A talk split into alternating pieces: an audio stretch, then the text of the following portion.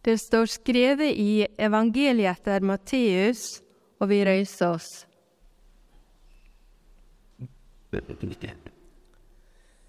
Jesus tok vegen til landet kring Tyrus og Sidon.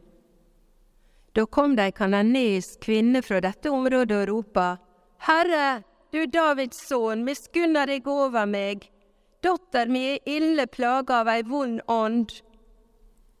Men han svarer henne ikke et ord. Da gikk læresveinene fram og ba han, bli ferdig med henne, hun går og roper etter oss. Men han svarer, jeg er ikke sendt til andre enn de bortkomne sauene i Israels hus. Da kom hun og falt ned for han og sa, Herre, hjelp meg! Han svarer, det er ikke rett å ta brød fra barna og kaste det til hundene.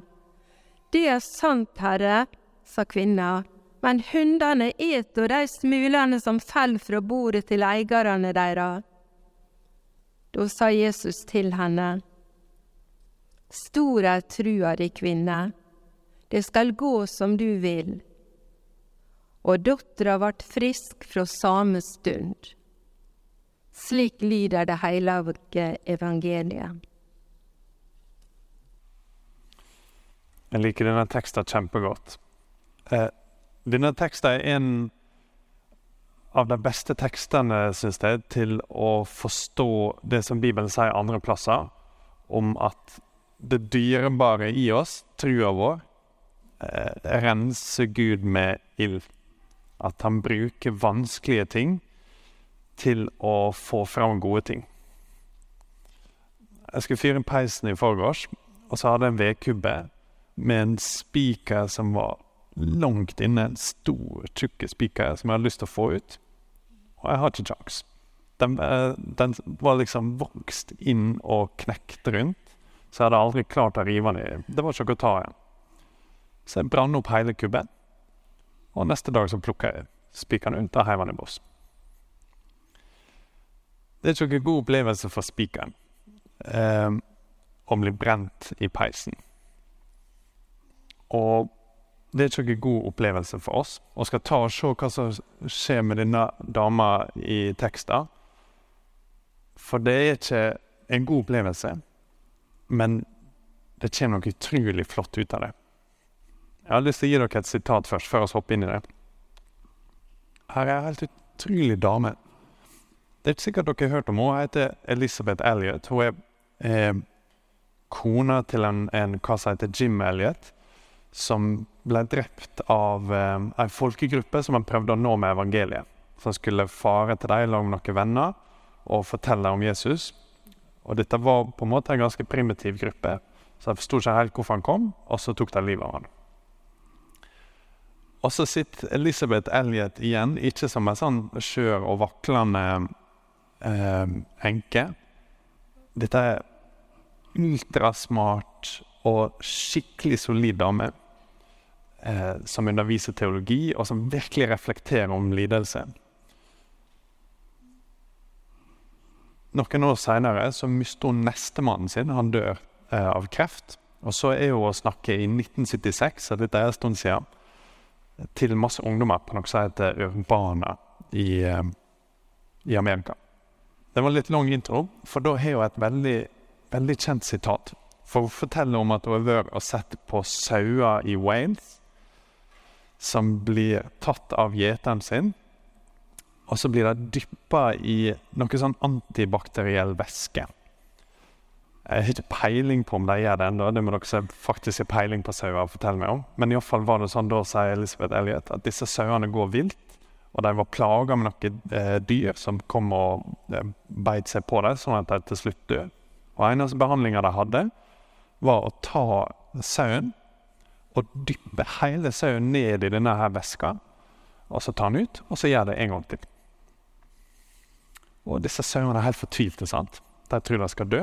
Så står Elisabeth Elliot og sier jeg har noen opplevelser i mitt liv som gjør meg svært medfølende med de bukkene. Jeg kunne ikke se noen grunn til behandlinga jeg fikk fra gjeteren jeg stolte på. Han ga meg ikke et hint av forklaring, Når jeg så de fortvilte sauene, så tenkte jeg om det bare var en måte jeg kunne forklart på. Men slik kunnskap er for herlig for deg. Den er høy, og de kan ikke nå deg.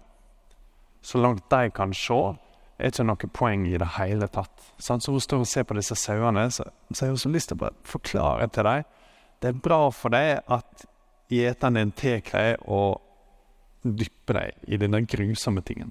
For deg så virker det som om noen kommer til å dø, sant? Er plutselig ikke gjeteren min glad i meg lenger? Hva i alle dager er det som skjer? Kanskje, kanskje bare forklare meg hva det er som skjer? Og så sier hun det er for høyt for deg. Hvordan i alle dager skal en sau kunne forstå hvorfor den holder på å dø nede i denne antibakterielle væsken? Prøv å forklare noe som helst en sau, sant? Litt sånn tror jeg vi kan lese denne teksten som kommer her. Det enkle er å bare si at typisk så Jesus liker ikke andre folkeslag. Og det kan være sånn juks som vi bruker hvis vi ikke har lyst til å lese tekst. sant? Hvis du er litt sliten, så bare avfeier du det. Så slipper du å forholde deg til eh, noe å tenke på.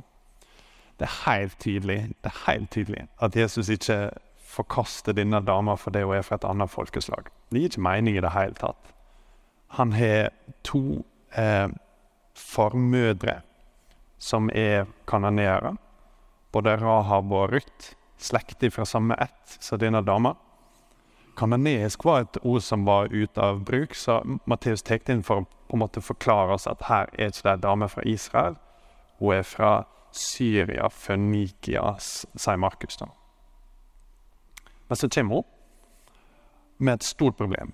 Eh, dattera har blitt besatt av en ond ånd. Og da vet vi ut fra andre tekster at da kan du på en måte regne med at livet til dattera er helt ødelagt mentalt og, og, fysisk. Mange av dem har ekstreme symptom. sant? Eh, så hun er helt fortvilt og har helt sikkert prøvd alt mulig. Og så kommer hun til Jesus, og så sier hun Herre, du Davids sønn, miskunne deg over meg. Datteren mi er plaga av en vond ånd. Og så svarer han ingenting. Veldig uvanlig, sant? Veldig uvanlig. Det er et eller annet på gang her, for Jesus er en av den som møter de svake hele tida. Um, her, her heller han på med et eller annet. For det skjer noe i denne dama, sant? Når hun kommer til Jesus, og så får hun ingenting, så begynner du sikkert å tenke litt. Da er det naturlig sant, å gå til plan B. OK, hvis Jesus ikke kan hjelpe meg med denne her demonbesatte dattera mi, eh, hva skal jeg gjøre da? Jeg har ikke noen naboer jeg kan spørre, jeg har ikke noen lege jeg kan spørre, jeg har ikke, jeg har ikke noe, sant? Så den her lille stillheten fra Jesus, det gir henne en liten mulighet til å egentlig bli litt fortvilt. Det er ikke noen annen plass å gå. Hvis jeg ikke får noe fra deg nå, så kan jeg ikke gå noen annen plass. Så dere ser hun fortsetter. Sånn at til slutt så går læresveinene fram og sier 'bli ferdig med henne'. Kanskje dette maset, sant? Hvorfor skal denne dama stå og holde på sånn med denne dattera si? Kan ikke bare helbrede dattera? Kan virke som de sier kanskje bare sier at hun skal gå vekk, men det er naturlig at de tenker at hun skal bli frisk. For ellers sier ikke Jesus sitt svar mening. Han sier 'Jeg er ikke sendt til andre enn de bortkomne sauene i Israels hus'. Så her får han på en måte et svar, sant? Hun får et nei. Jeg er ikke sendt til andre enn Israels hus. Det er ikke sånn at hvem som helst kan komme til Gud og bare få det de vil. Jeg er sendt til eh, jødene. Knust hjerte, sant, i, i denne mora hvis du har hatt en sjuk unge, hvis du har hatt en skikkelig sjuk unge, så veit du hvordan det er. Det er på en måte en spesiell plass i hjertet ditt som, som bryter opp. Og når du da har kommet til den ene som kan hjelpe deg, og så sier han egentlig nei. sant? Han sier ikke kommet for andre enn de bortkomne sauene. Hva er det som skjer med henne da? Da faller hun ned og sier, 'Herre, hjelp meg'. På en måte har jeg lyst til å forklare tekster til dere i dag. Jeg har masse mer lyst eh, at det som har skjedd med Elisabeth Elliot, og det som er i ferd med å skje med denne dama her, kan skje med dere. Det neste steget for denne dama her er ikke masse sånn fram og tilbake debatt, og nå har hun på en måte åpna ei dør der hun kan begynne å snakke om masse sånn bibelhistorie. Og hvis dere husker kvinner ved brønnen, så er det på en måte dit hun går. OK, ok, tid for teologisk debatt. Hvor er det egentlig hun skal tilbe Gud? Er det her eller der? Og hun bruker det som en måte å på en måte lukke døra litt for Jesus. Det som skjer her, som jeg håper skal skje i deres liv, og som jeg håper har skjedd i deres liv, er at hun virkelig, virkelig ser sitt behov for Jesus. Hvis hun står uten Jesus, så er ting mye verre enn hun trodde. Hun kommer, sant, fordi hun har sjuk datter. Og med å møte litt motstand fra Jesus, med at han på en måte ikke sier noe først, og så sier han egentlig nei, så innser hun hvor fortvilt situasjonen egentlig er. Nå er det bare at datteren hennes fortsatt er demonbesatt. Hvor gal nå enn det er. Tenk hvis de datter var demonbesatt. sant? Det er blitt enda større. Nå er det Ting er trasig i hennes liv, men hun sjøl er på en måte kutta av ifra Gud. Hun har møtt Gud i levende person, og han er ikke tatt imot henne. Katastrofe, sant? Dette er på en måte det verste som kan skje. At du møter Jesus, og så sier han nei til både det du spør om, men egentlig også til deg. Dere vet at han skal en plass, sant? Det jeg tror Jesus holder på med her og Måten jeg har tenkt på det hele tiden når jeg har snakka om denne teksten til dere tidligere også, er sånn som du gjør når du fyrer bål ute. Når du fyrer bål ute, så er det av og til du får litt lite luft. sant? Så da tar du sitteunderlaget ditt, og så begynner du å vifte på den lille gloa du har, for å få litt mer luft. Når du vifter på den, så trykker du flammen ned. sant? Så du har litt flamme i bålet ditt. Og så tenker du jeg vil ha masse liv i dette. Her må vi få skikkelig fyr. Så det første du gjør, er at du trykker det ned. Dess hardere du vifter, dess mer blir flammen trykt ned. Og dess mer kommer til å flamme opp etterpå. sant? Hvis du ikke bryr deg om bålet ditt, så gjør du ingenting. Så kan det bare brenne litt, og så slukne. Hvis du bryr deg om bålet ditt, jeg har pølse jeg skal steike, sant? jeg har lyst på litt skikkelig fyr. Så vifter du skikkelig. Bålet blir trukket helt ned, og så flammer det opp. Sant? Du har sett det tusen ganger. Her gjør Jesus det med en person. Han har lyst til at trua i henne skal flamme opp. Men måten han kommer dit, er på den måten som liker dårligst. sant? Han får trua henne til å flamme opp med at han møter henne med motstand. Jeg er ikke sendt til andre enn den bortkomne Israels hus. Da kom hun og falt ned fra ham og sa, 'Herre, hjelp meg'. Nå er det ikke bare 'hjelp meg fordi datteren min er sjuk', nå er det 'hjelp meg'. Og så tar han det enda et skritt. Jesus kjenner hjertet bedre enn noen. sant? Han vet akkurat hvor hardt han kan pushe før hjertet hennes knuser og, og alt er slutt. Han ser rett inn i hjertene, så han veit at det er trygt å pushe denne dama ett hakk til. Dette er sånn som oss ikke kan gjøre. For oss kjenner ikke folk sånn som Jesus gjør det. Men han pusher enda en gang. Han sier det er ikke rett å ta brødet fra barna og kaste det til hundene.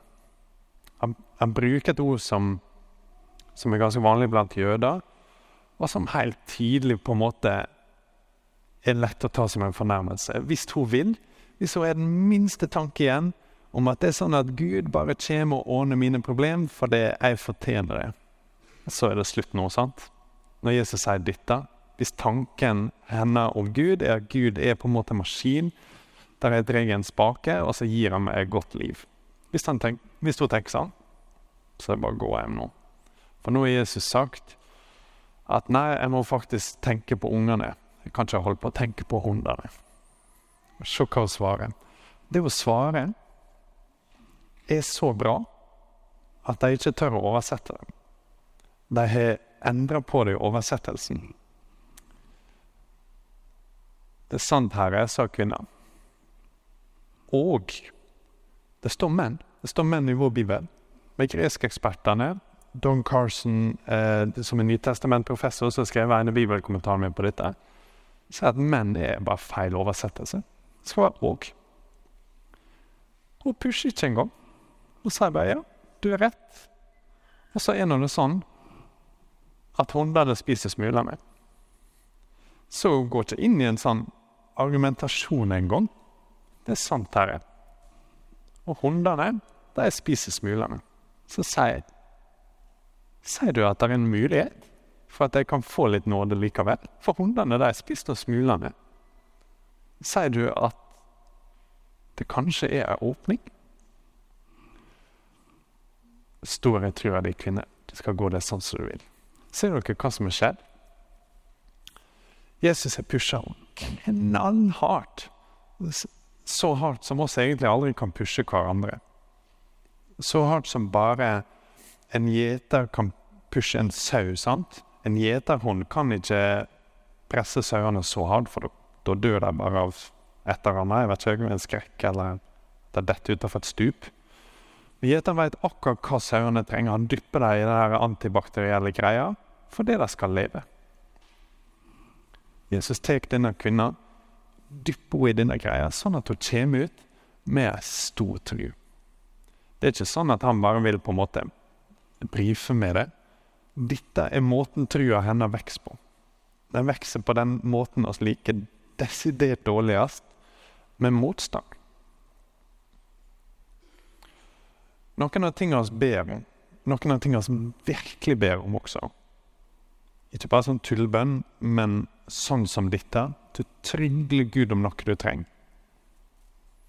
er sånn at Gud kan ikke gi dem til oss før de blir trygge for oss.